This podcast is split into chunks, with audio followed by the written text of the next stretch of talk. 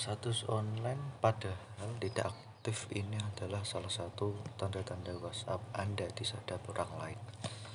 Cara untuk mengetahuinya adalah dengan melihat apakah nomor kita tampak online di akun WhatsApp orang lain ketika kita tidak membuka aplikasi WhatsApp di ponsel ataupun WhatsApp web.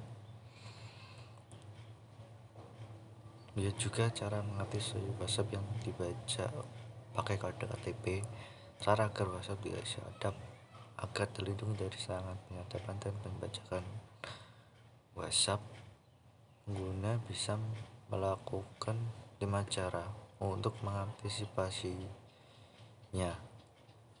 Untuk mengantisipasi WhatsApp cloning dengan cara sebagai berikut di next episode podcast ini. See you. Selamat selamat kembali ke podcast kami